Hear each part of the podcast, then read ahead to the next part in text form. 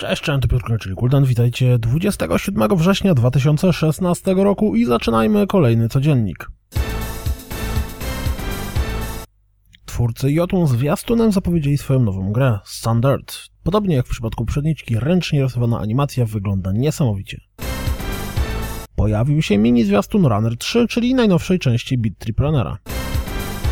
Szybka koopowa rozpierducha to coś dla Was? To rzućcie okiem na Super Dungeon Brothers, które ma pojawić się na PlayStation 4, Xbox One i PC już 1 listopada.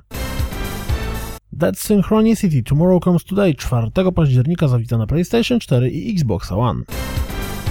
Jeśli wcześniej nie dotarła do Was ta informacja, to twórca Dishonored 2 uszczegóławia. Na początku gry zagramy Emily, żeby po pewnym czasie podjąć decyzję, czy resztę historii gramy Emily czy Corvo. Najprawdopodobniej więc, żeby zobaczyć całą grę, powinniśmy ją skończyć dwa razy.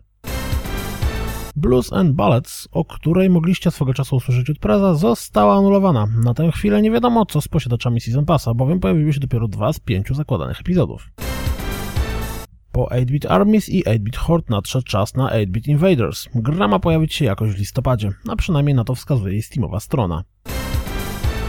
Free-to-playka Paladins, która na pierwszy, i drugi, i trzeci rzut oka wygląda na mocno mm, inspirowaną Overwatchem, w kilka dni po rozpoczęciu otwartej bety została ściągnięta ponad 750 tysięcy razy. Co więcej, została bardzo dobrze przyjęta, bo ponad 15 tysięcy recenzji użytkowników łącznie uznaje ją jako bardzo dobrą. Po wczytaniu się w wyróżnione recenzje zauważyłem, że w ogromnej większości największą jej zaletą jest bycie darmowym Overwatchem. Ciekaw jestem, czy Blizzard szykuje już pozew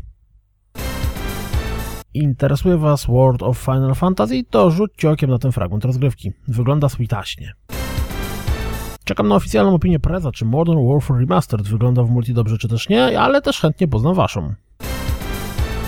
Na Kotaku pojawił się bardzo interesujący przekrojowy tekst o Star Citizenie. Bardzo warto przeczytać.